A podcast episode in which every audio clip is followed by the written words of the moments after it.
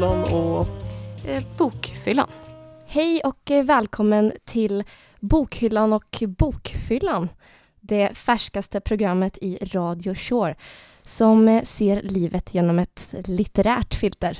ja, Ja. bra. I studion sitter Johanna Goretzka. och Mikael Rapp. Jajamensan. Hur eh, läser du helst, Micke? Eh, I en nästan liggande position i sängen med boken framför mig. Skulle jag säga. Själv? Ja, jag, jag äter gärna när jag läser. Ja men det är bra, för då sysselsätter man sig med någonting, då blir man inte eh, ofokuserad på det man läser för att då tänker man så här Ja, det skulle vara schysst att ha lite att dricka eller någonting att tugga på eller någonting. Man ska se till att man har allting innan man börjar läsa. Verkligen. Det är viktigt för mig att tugga. Ja, jag förstår. Ja. Vad är veckans tema, Micke? Ja, i veckans avsnitt och eh, debutavsnittet kommer vi prata om böcker som har gjort avtryck. Vi kommer prata om böcker som har gjort avtryck på dig Johanna och böcker som har gjort avtryck på mig och böcker som har gjort avtryck lite rent allmänt på folk. Ja, vi gav oss faktiskt ut i världen för att se vilka böcker som har gjort störst avtryck på människor. Ja, det gjorde vi. Mest avtryck, vilket sätt? Jag tror inte jag har haft någon bok som har förändrat mitt liv men jag vet att när jag läste Twilight så det är den bok jag tyckte var bäst för den liksom när jag var i skolan bara åh och läsa Twilight och man typ så grät i sidorna liksom. Men det är ingen bok som riktigt har förändrat mitt liv så, vad kan jag komma på? Nej, jag kommer inte på någonting. Okej. Eh, tack ändå. Ja, tack själva. det verk som jag läste i sträck sommaren när jag fyllde 14, nämligen Utvandrarserien av Vilhelm Moberg.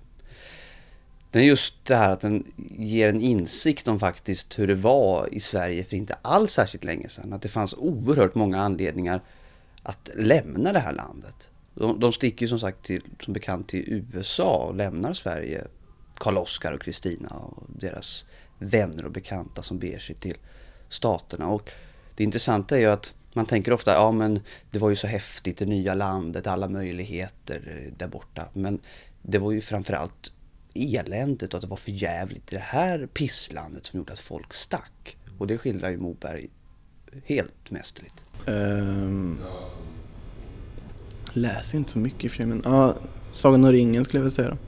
Nej, Det finns många, men alltså en väldigt klar bok som jag kommer ihåg gav väldigt så wow-upplevelse. Det var Eh, Catch and Rye av J.D. Salinger. Första gången jag läste den så tror jag jag var 16 år gammal. Och det var väl också mycket som påverkade hela min världssyn. För att jag var i en så här, ett moment där jag precis höll på att kliva in i vuxenlivet och var väldigt så här väldigt eh, pretentiös och skulle vara väldigt duktig. Eh, och sen så läste jag den här boken om den här ynglingen som bara hatar allt och skiter i allt och alla normer och, och, re, eh, och regler. Och det, det gjorde stort avtryck i mig att eh, hur jag själv uppfattade världen efter jag hade läst den. Men om jag står och kallsnackar tillräckligt länge så jag svarar på frågan. Nej, men nu, nu vill jag gärna att du svarar på frågan. Du tycker det? Ja. Ja. Vilken bok har gjort störst avtryck på dig? Mm, jag fick fundera en stund på det här men eh, visst jag läser en del men det finns andra saker som gör större intryck på mig. Andra medier. Inte någon bok som du kommer att tänka på? Faktiskt inte speciellt, nej. Har du någon bok som har gjort ett avtryck på dig? Ja, de böckerna som Gustav Maria... Vad heter... Nej, jag vet inte vad det heter. Stäng av. Vad heter de? Inte det? Gustav Maria... Mariesdotter. Vad heter den här boken? Det var intressant att lyssna på. Vad tycker vi? Eh, Jag är lite upprörd över eh, personen som svarade att andra medier eh, som inte hade ett boksvar överhuvudtaget. Det gjorde mig lite förargad. Alltså jag personligen kan ju tycka om det nu är så att du inte läser så mycket, säg typ kurslitteratur eller någonting då. Alltså var lite tillmötesgående när, när du får frågan vilken bok har gjort ett avtryck. Ja, när vi väl kommer där med en eh, mick. Ja men precis, det är liksom så här bara säga andra medier. Ja. exakt. Nej, jag hade ljugit om jag hade känt så. Men det var, det var förvånansvärt många som tvekade väldigt länge, Ja, tycker jag. Mm. Absolut, det är väl eh, så att folk läser inte så mycket helt enkelt nu för tiden. Och om de läser så är det väl mycket Twilight.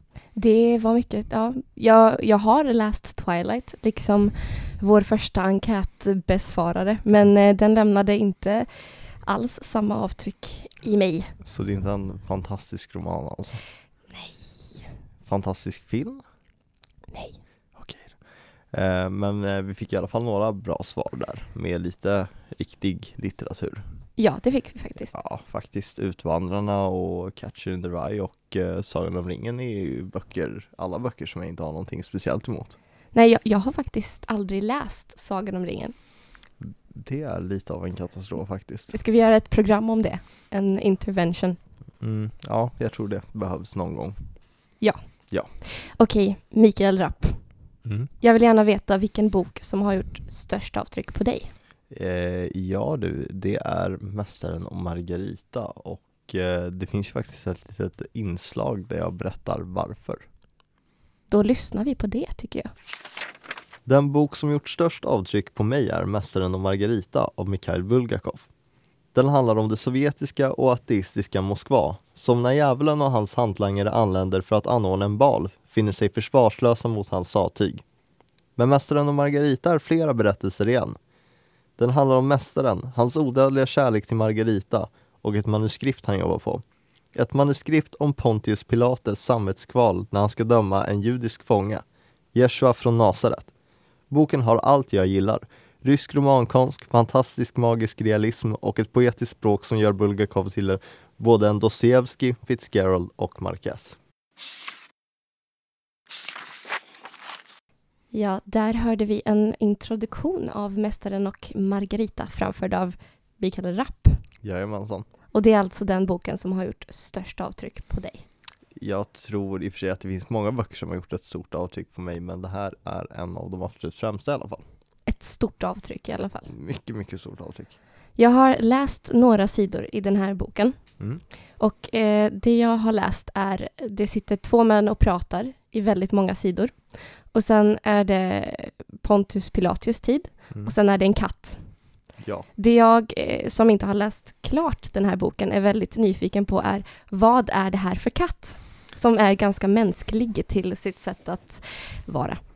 Ja, den här katten, eh, den stora svarta katten eh, som går på två ben är en hantlangare till djävulen och heter Behemoth. Behemoth. Ja. Och Det låter inte så ryskt. Nej, det är inte så ryskt men det är, eh, Är det en invandrarkatt? det är en invandrarkatt eh, från eh, andra källor. Eh, Behemoth är väl en, ett mytiskt djur i Bibeln tror jag. Och också ett namn på flodhästar tror jag. Så det är en katt som är biblisk som heter flodhäst. Ja, det är inte en eh, biblisk katt som så, men den har fått ett namn från en biblisk eh, figur. All right. Och den här katten är då som sagt djävulens hantlangare och eh, den går på två ben, den dricker vodka, den tycker om att skjuta med pistoler, den är extremt sarkastisk och eh, rent allmänt så är det ett riktigt sattyg till katt. Ja, fy. Fy. Ja, men eh, det är en väldigt rolig katt också. Han står för mycket humor i romanen. Vad har den för roll i romanen? Förutom att den är djävulens hantlangare.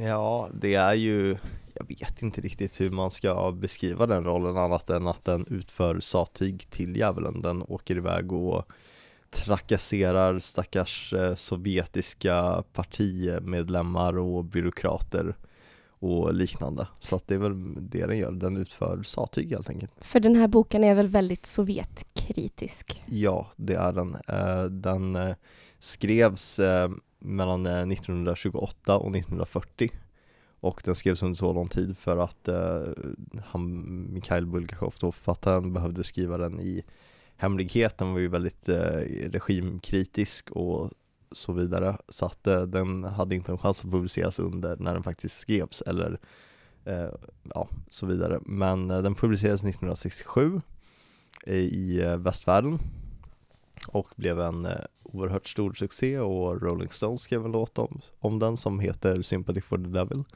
eh, och eh, den, eh, den är väldigt vackert skriven eh, väldigt intressant eh, historia, karaktärer och så mycket mycket, vad ska man säga, reflektion över filosofiska och spirituella grejer och eh, men främst så är den väldigt rolig. Alltså det är ju satir mot det, det sovjetiska samhället och den innehåller mycket mörk humor och så, det tycker jag om. Kan alla läsa den här boken? Är det en bok för gemene man? Jag skulle säga det, alltså den, den var en ganska stor eh, liksom det var en stor roman liksom när den kom, det var en framgång rent kommersiellt sett och så Um, Och den är inte så himla svårläst, alltså det är så här, kan du läsa vilken annan klassiker som helst så kan du definitivt läsa Mästaren och Margarita, för så svår är den inte All right. Eh, hur skulle du beskriva Bolgakovs språk? Du nämnde att det var väldigt vackert, bland annat. Eh, ja, jag brukar, eh, jag brukar tänka det att jag tycker att det, alltså här, det finns klart ryska drag i honom. Eh, och den här magiska realismen påminner väldigt mycket om latinamerikanska författare som Gabriel Garcia Marquez och så vidare. Men eh, framförallt så är språket väldigt eh, poetiskt, jag tycker det är ganska mycket Fitzgerald över det, alltså eh, ja, jag vet inte riktigt hur jag ska beskriva det men det finns eh, återkommande allusioner, det finns poetiska stilgrepp i prosan som eh, Pontius Pilatus brukar ofta reflektera över Jerusalem, staden han hatade och allting är väldigt vackert skrivet. Och eh, speciellt då kanske Pontius Pilatus-delen som jag alltid brukar tänka att varför var inte, varför skrev han inte en roman bara baserat på det här manuskriptet? För att det är, skulle vara så bra egen roman. Mm. Eh, och det är väl, eh, ja, det är mycket det som jag beundrar med den. Har du läst något annat av hans verk? Har han skrivit mycket annat som är känt? Eh, han har skrivit en del, ingenting som är så känt som Mästaren och Margarita. Jag har inte läst någonting annat av honom, men jag planerar det. Han har skrivit några böcker som är ganska kända som Ett hundhjärta och eh, ja, vad det nu är. Men eh, jag har inte läst någonting annat. Okej. Vad är det sjukaste med den här boken, förutom den katten som Mm, går på två ben? Sjukaste på, på vilket sätt? Ehm, ja, valfritt sjukt sätt. Mm, jag skulle säga att det mest eh, psykotiska, om jag får säga så, i romanen är när djävulen håller sin bal i Moskva. Han har en bal där han bjuder in väldigt obehagliga typer för att fira att de är väldigt obehagliga typer. Och eh, han sitter på en tron och han har Margarita med sig som eh, någon sorts date, I guess. Eh, Margarita som mästaren är jättekär i. Ja, ex- right, ja. Eh, och eh, de står där och liksom alla kommer ju fram då till den här tronen för att introducera sig. Och eh, då är hans eh, butler, eller vad man ska säga, eh, presenterar alla i tur och ordning. Och det kommer en eh, dam som har giftmördat sin make för att kunna vara med sin älskare, om jag inte missminner mig. Och och eh, Som man gör. Ja, precis som man gör och eh, djävulen utbrister, eh, eller någon av hans hantlangare i alla fall, att säga åh gud vad är, ytterst, ytterst trevligt. Eh, så det är väldigt mycket mörk humor på det sättet och eh, det gillar jag verkligen.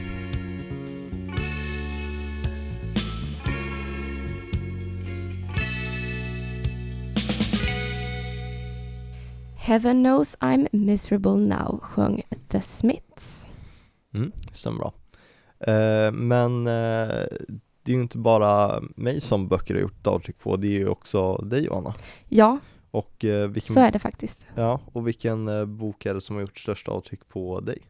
Eh, en av dem som har gjort eh, absolut störst avtryck på mig är Stjärnans ögonblick av Clarice Lispector. Stjärnans ögonblick är skriven av Clarice Lispector, en brasiliansk författare med anor i Ukraina. Boken som publicerades 1977 handlar om Maccabea. Maccabeas njutningar består av kallt kaffe och hårdkokta ägg.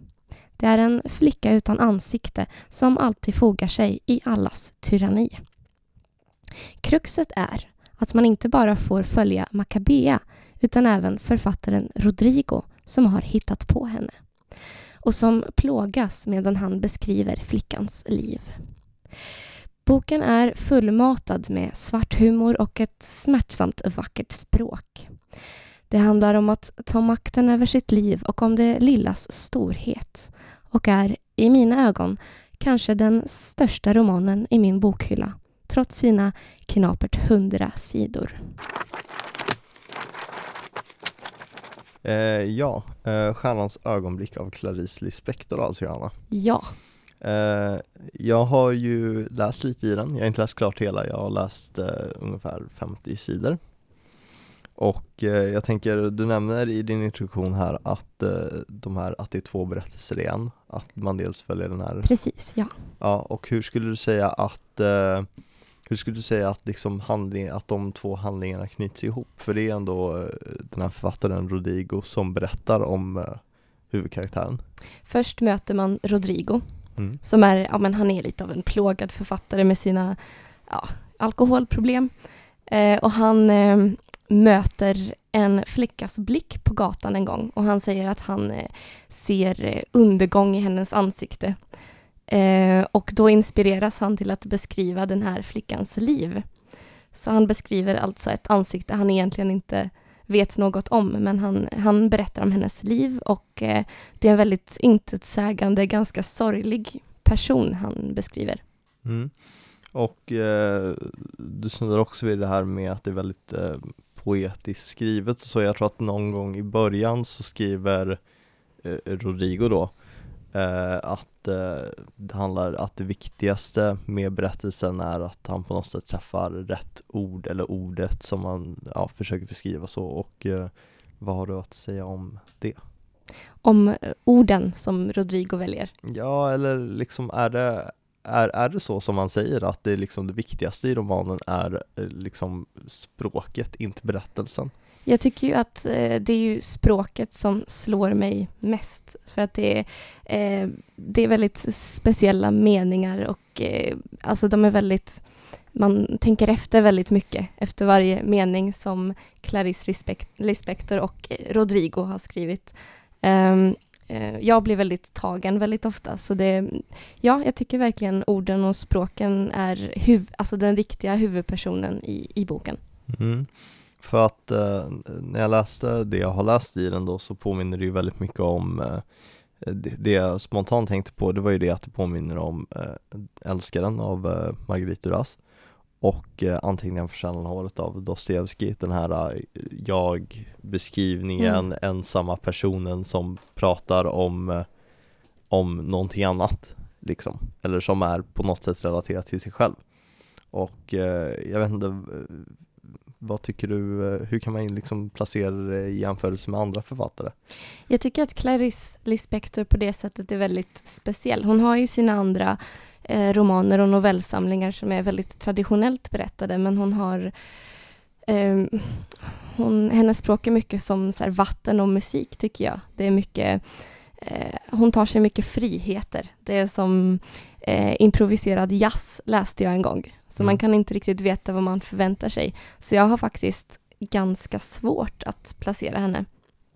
Eh, men jag förstår likheten till eh, Marguerite Duras som, Mm. som också har, hon, hon hoppar mycket i sin berättelse på ett, hon tar sig friheter också. Ja, eh, men eh, för den här Stjärnans ögonblick den är publicerad 1977, den är postumt publicerad. Eh, och jag tänker lite så här, du nämnde att de andra verken var mer traditionellt berättade och jag tänker att eh, Latinamerika är ju väldigt känt för liksom en, en säregen stil, den liksom Mm. latinamerikanska boomen och så och hon påminner ju inte alls om den eh, traditionen. Så jag är lite nyfiken på hur, hur ser de andra verken ut? Eh, det jag har läst är ju två olika verk. Det ena är en novellsamling som heter eh, Hemlig lycka. Heter den. Och det är en blandning av ja, men väldigt traditionellt berättade noveller, till exempel om en eh, flicka som verkligen vill ha en bok. Eh, eller i samma novellsamling finns eh, en berättelse om ett ägg, alltså det handlar bara om ett ägg. Så hon, hon hoppar ju verkligen i sina stilar. Ehm, men vad var frågan? Eh, jag tänker hur du jämför med, eh, med resten av, alltså latinamerikanska boomen, hon, skiljer sig väldigt mycket från dem men du säger att de andra är mer traditionellt berättade. Ja, jo men det finns, hon, hon kan eh, berätta traditionellt på ett väldigt bra sätt också. Men eh, jag tycker att hon är som bäst när hon använder sin säregna stil. Mm. Sen tänkte jag lite på det här, Clarice Lispector är ju lite, kanske inte överdrivet mycket men eh, jag har ändå stött på eh, läsning om henne som är eh, väldigt mycket att hon så här, är en feministisk författare. Eh, och eh, det står eh, bland annat på Wikipedia-sidan om just det här verket att det handlar en del om sexism, hon är en väldigt otrevlig pojkvän eh, och så vidare och jag tänker lite, eh, kan du berätta lite mer om det? Feminism i Stjärnans ögonblick eller ja, jag, jag tycker nog att det, det är mycket att kvinnorna i hennes verk har en, har en stark och väldigt eh, liksom framstående sexualitet som Clarice Lispector beskriver som naturlig. Alltså det finns inget krux kring det. Och Clarice Lispector dog ju 1957. Jag vet inte exakt när boken skrevs men hon, hon levde väl i en tid där man nu anser man inte hennes verk vara särskilt chockerande eller frigjort men jag antar att på hennes egen tid var det väldigt, väldigt, alltså, ja men ja men chockerande att, att beskriva en kvinnas sexualitet på det sättet. Mm. För jag läste, det är någonting jag inte har läst så mycket om i boken men det står, eh, jag har läst på internet att eh, eh, hon protagonisten, om man nu kan kalla det det, jämför, Maccabea. Maccabea, att hon jämför sig med eh, Marilyn Monroe Mm, och Greta Garbo. och Greta Garbo. Alltså på, Men- på vilket sätt eh, gör hon det? Nej men det, det, hon jämför sig inte så mycket. Det handlar mycket om hennes önsketänkande. Hon, eh, boken handlar ju mycket om storheten i varje människas liv och Maccabea är ju en väldigt liten och ganska svag person på många sätt. Och samtidigt drömmer hon väldigt stort och hoppas väldigt stort och drömmer om sina, ja men om, om sitt ögonblick som hon kanske eller kanske inte får. Det får läsaren se. Mm. Eh, men där i, där i drömmer hon om att vara ja, lika vacker och eh, framgångsrik som de här kvinnorna. Och eh, bara som en avslutning, eh, den har gjort väldigt stort avtryck på dig men eh, är, är eh, Stjärnans ögonblick, skulle du kalla det för din favoritroman? Åh, vad svårt. Eh, men eh, jag chansar och säger ja. Ja, jag såg att du hade skrivit på Twitter någonting om att om Clarice Lispector och Charles Baudelaire hade fått ett barn så hade ingen annan behövt skriva en bok. Nej, alltså det, pff, lika gärna, man kan lika gärna ge upp om de hade fått barn som skrev. Men eh, det fick de inte så eh, fortsätt skriva författare. Jag gör det. Så, ja.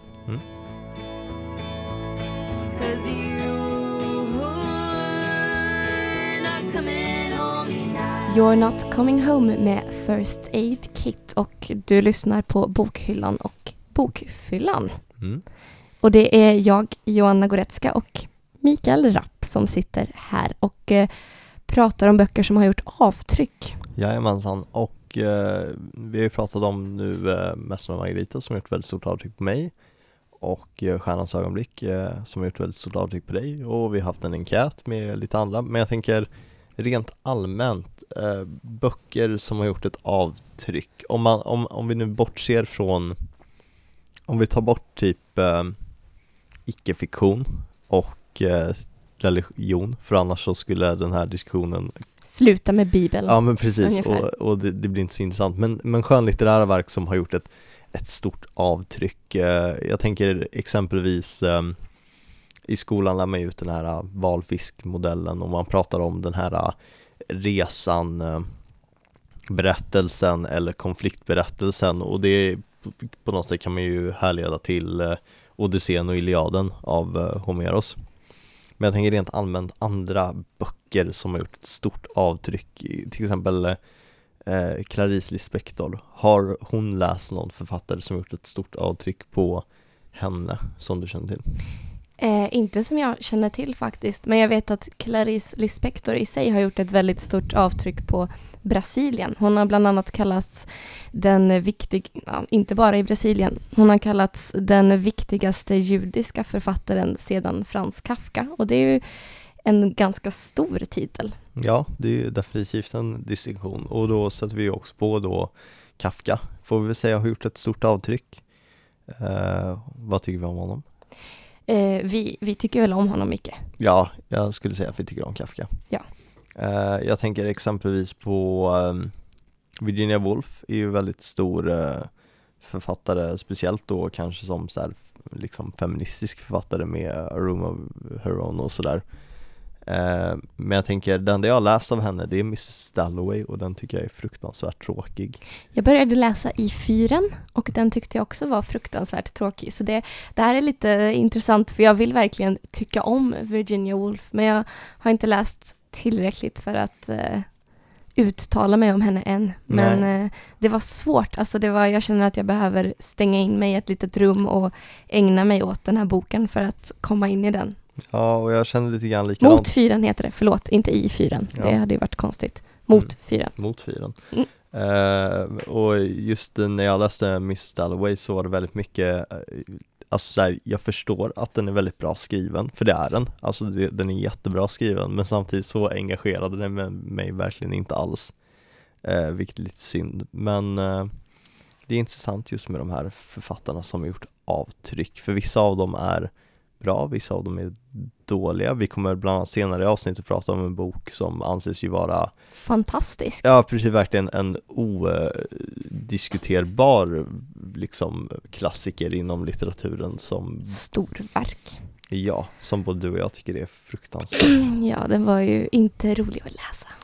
Men jag, mm, jag tycker att författare som har gjort ett väldigt stort avtryck på mig utöver, eller världen, inte bara mig, eh, som är kvinnor och eh, som jag tycker lämnar feministiska spår också, det är ju Brontë-systrarna Mm. har varit väldigt viktiga för, för många kvinnor tror jag, som skriver. Ja, och eh, jag har inte läst, eh, jag har bara läst eh, Charlotte Brontes, eh, Jane Eyre. nej, Inte Jane Eyre. Något om professorn. nej, Emily Bronte menar Emily. jag, Svindlande- Heights. Ja, ja, ja. Ja, Svindlande höj- höjder heter Ja. den på svenska. Jag läser faktiskt om Svindlande höjder as we speak. Där ser man. Ja. Eh, jag har eh, läst den eh, för ganska länge sedan, men den, den tyckte jag om, den var bra. Den Och- är ju ganska sjuk. Det är ju mycket så incest och eh, psykisk misshandel som pågår i generationer så det är ju bättre drama än Paradise Hotel egentligen. Ja, gud ja. Eh, och eh, Jane Austen har jag läst lite också och hon är ju faktiskt väldigt eh, rolig, tycker jag. Men nu, nu, nu ska vi vara jämställda. Vilka män har gjort avtryck i världshistoriens litteratur? Ja, jag är ju väldigt förtjust i ryssar. Ja, ryssar är bra. Bulgakov till exempel. Bulgakov exempelvis, Dostojevskij tycker jag väldigt mycket om och Tolstoj, just nu håller jag på och läser Anna Karenina som jag tycker är väldigt bra. Eh, så att, eh, ja, ryssar har gjort väldigt stort avtryck skulle jag säga, speciellt i slutet av 1800-talet innan eh, kommunismen då, då.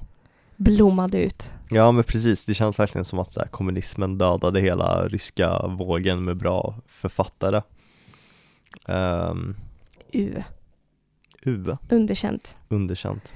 Men eh, kommunismen, det här fick mig att tänka på en annan bok som en manlig författare har skrivit, nämligen 1984 Ja, av George Orwell som jag det, det dröjde länge innan jag läste den men eh, när jag väl hade gjort det var den fantastiskt bra och lämnade stora spår. ja den är ju väldigt, eh, alltså det finns ju mycket man kan relatera till i den. Det är ju ändå mycket som man känner igen i dagens samhälle med övervakning och så vidare. Så att jag skulle ju säga att den boken är ju verkligen om något relevant idag. Vilka böcker har gjort avtryck i Sverige? Eh, ja, det är en bra fråga för jag tänker rent allmänt nu modernt svenskt författarskap är ju väldigt eh, inriktat på eh, svenska deckarboomen Mm. och jag har ingen aning vilka författare då som skulle, alltså någon svensk författare som skulle ha påverkat det utan det känns ju, Stig Larsson kanske?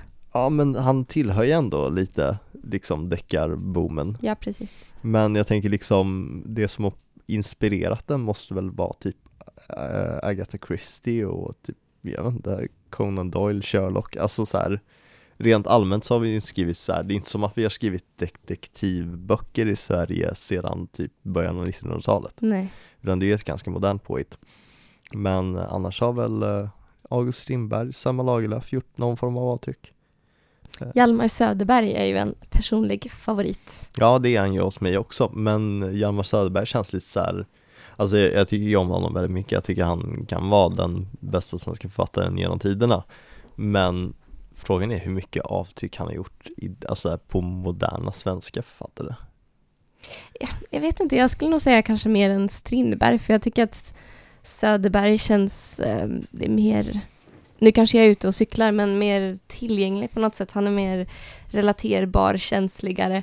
Eh, Strindberg är bara, han är så gnällig. Och, Ja, han är väldigt jag gnällig. tycker Röda rummet är en plåga. Nu kanske jag gräver min egen litterära grav här, men Ja, ni får ju twittra in under hashtag bokhyllanfyllan Ja. Om ni inte håller med Johanna här. Jag håller inte riktigt med, jag tyckte Röda rummet var helt okej men ingenting jämfört med Söderberg Ja, vissa böcker gör ju mer avtryck än andra. Och eh, vi ska se vilket avtryck eh, veckans bok har gjort på veckans recensent. Ja, och eh, vem står för veckans recension? Det är faktiskt eh, Emma Uddesson, Mm. en av programledarna för Tisdagsångest. Ja, det ska bli intressant att höra The Maze Runner är första delen i en trilogi av amerikanska författaren James Dashner. Du hittar den på ungdomshyllan och dessutom på bio i några veckor till. Filmen som är baserad på första boken hade nämligen Sverigepremiär i slutet av september. The Maze Runner utspelar sig i en inte alltför avlägsen framtid.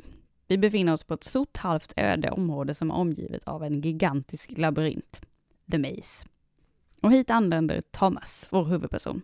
Allting börjar med att han vaknar i en slags underjordisk hiss och förs till det här stället. Han minns ingenting om vem han är eller vad han har gjort innan han vaknade i den här hissen. Det enda han minns är sitt namn av någon anledning. Här möts han av ett stort gäng killar, alla i de yngre tonåren. De har också fått sina minnen raderade, men de har varit här lite längre och har hunnit bygga upp ett litet och eh, fungerande samhälle. Och runt omkring dem finns den här gigantiska labyrinten. Det går inte att understryka hur stor den är. Väggarna är av betong och är typ en halv kilometer höga och labyrinten har dörrar. På dagen så är de öppna, men på natten stängs de och då kryllar det av jättestora monster i labyrinten. Monstren är en slags kombination av spindel och maskin ungefär och eh, verkar ganska sugna på att döda allting som kommer i närheten av dem. Och i två år så har pojkarna spenderat dagarna åt att försöka hitta en väg ut ur den här labyrinten, men det är ingen som har lyckats. Men så börjar det hända grejer. Dagen efter att Thomas kommer dit så skickas också den första tjejen dit, Theresa. Hon har också fått minnet raderat, men hon känner igen Thomas. Ja, och det vi kan konstatera här redan från början är att det är någonting som är fel på omvärlden om de börjar skicka ungdomar till en dödlig, orimlig labyrint och radera deras minnen. The Maze Runner är spännande, men den är inte mycket mer än så. Oskyldiga ungdomar som lever i en hemsk dystopi är ett ganska populärt koncept. Böcker som Hunger Games och Divergent har ju blivit enorma succéer och filmerna har ju tjänat en och annan peng om man säger så. The Maze Runner påminner mycket om dem. Men den här gången så är huvudpersonen en kille och i första boken så träffar vi faktiskt bara en kvinnlig karaktär. Och det här lilla pojksamhället ger mig ibland vaga Lord of the Flies-vibbar. Och stämningen är otroligt grabbig och amerikansk. I filmväg så klassas den som en action thriller. Who put us here? We don't know. What's through there? That's the maze. Jag har inte sett filmen än, utan håller mig till att ge ett betyg på boken. Den är spännande hela vägen och ibland väldigt svår att lägga ifrån sig. Och i slutändan så blir jag ju nyfiken på att läsa fortsättningen. Men det är inte för att jag vill veta hur det går för våra hjältar, utan för att jag undrar vad det finns utanför labyrinten. Karaktärerna i boken faller ganska platta. Utan någon som helst bakgrund så finns det ju faktiskt inte så mycket att veta om dem. Men ändå, det enda drag jag kan utläsa hos huvudkaraktären Thomas är att han har ett helt orimligt civilkurage. Medan Theresa, hon får ingen karaktär alls. Hon befinner sig i koma halva boken och eh, det enda vi vet om henne är att hon är väldigt vacker.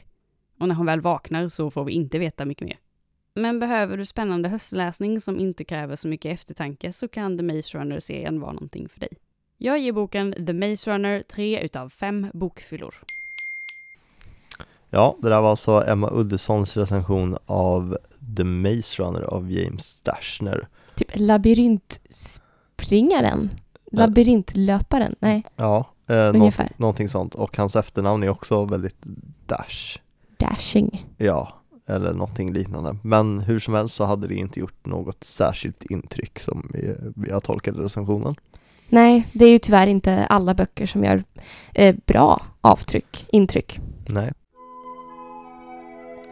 Hennes hals stack upp ur en vit nervikt krage.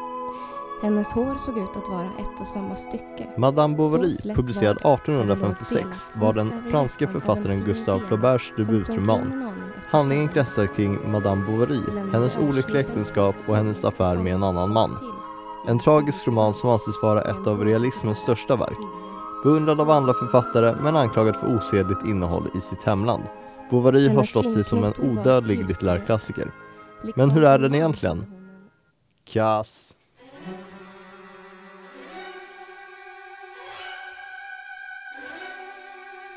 Jag kräver inte att alla bokkaraktärer ska vara sympatiska.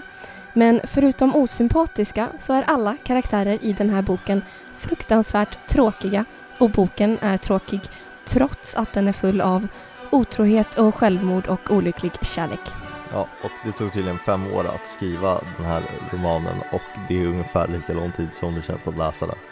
Eh, Den, det finns ingenting attraktivt med Madame Bovary som människa alls. Nej, och eh, Flaubert tydligen gillade Kafka dig men upplevelsen av att läsa Madame Bovary är helt och hållet Kafkas. Ja, och den är jätteotroligt passivt aggressiv ungefär som hela 1800-talet och tråkig. Debut, mer som ett slut, Och hon dör jätte, jättelänge i boken. av arsenik och inte känner jag någon sorg när det är en så dålig bok. Nej, hon hatar sitt barn också. Ja, och det gillar ingen. Och Flaubert, du och dina precisa ord, det enda precisa ordet för att beskriva den här romanen är dynga.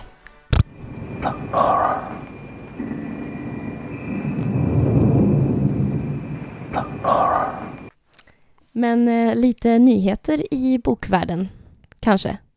Ja, take it away Micke. Mm. Eh, Patrick Modiano vann ju som bekant Nobelpriset i litteratur 2014 med motiveringen för den minneskonst varmed han frammanat de ogripbaraste levnadsöden och avtäckt ockupationsårens livsvärld. Han är också tillräckligt okänd utanför sitt hemland för att de som vill läsa Modiano får vänta länge. Alla större bokhandlare i Sverige har nämligen inga romaner av författaren i lager. Också är nomineringarna till Augustpriset 2014 klara. Du, du, du. Ida Börjes poesisamling Ma finns ble- Ma, hur stavas det? M-A-H. M-A bara. Ma. Ja, det är ett japanskt tecken för typ noll. Men oj, oj, oj då. Eller någonting. Eh, Ida Börjes poesisamling Ma finns bland de nominerade. En bok jag recenserade tidigare i år och sågade kraftigt. Du sågade kraftigt alltså. Hur kommer det sig? Det är fruktansvärt dåligt. Det är en... Var det noll Ma? Ja, absolut. Alltså det är en bok på typ 300-400 sidor där varje sida innehåller kanske fem rader som går ungefär Universum Mitt livsöde Ja, det var ju djupbottnat. Ja, det var, nej, riktigt dåligt. Jag hoppas att de plockar en annan vinnare. Ma. Ja, och eh, den sista nyheten för ikväll är att skådespelaren Tom Hanks har publicerat sin debutnovell i den litterära tidskriften The New Yorker. Den har fått eh, ljummen kritik. Hur kommer det sig? Vet du vad han har skrivit om? Han har skrivit om, ehm, jag tror att han har skrivit en eh, novell om eh, rymdturism. Jaha. Mm. Ja, det gjorde väl inte jättestort eh, avtryck på recensenten alltså. Eh, nej, inte något vidare. Men vi hoppas ju att vi har gjort ett eh, väldigt stort, eh, djupt och eh, trevligt intryck och avtryck på er som har lyssnat. Ja, och jag hoppas att ni kommer lyssna på vårt nästa avsnitt och vi kommer prata om den förlorade generationen och 20-talets Paris. Mm, det gillar ju ni där hemma. Åtminstone vi här Ja, i studion. Vi gör ju det. Ja. Ja. Ni borde gilla det. Ja, det, gör det. Gilla det och lyssna. Mm. Och eh, det här har varit eh, Bokhyllan och Bokfyllan med Johanna Goretzka och Mikael Rapp. Jajamensan. Tack för ikväll. Tack.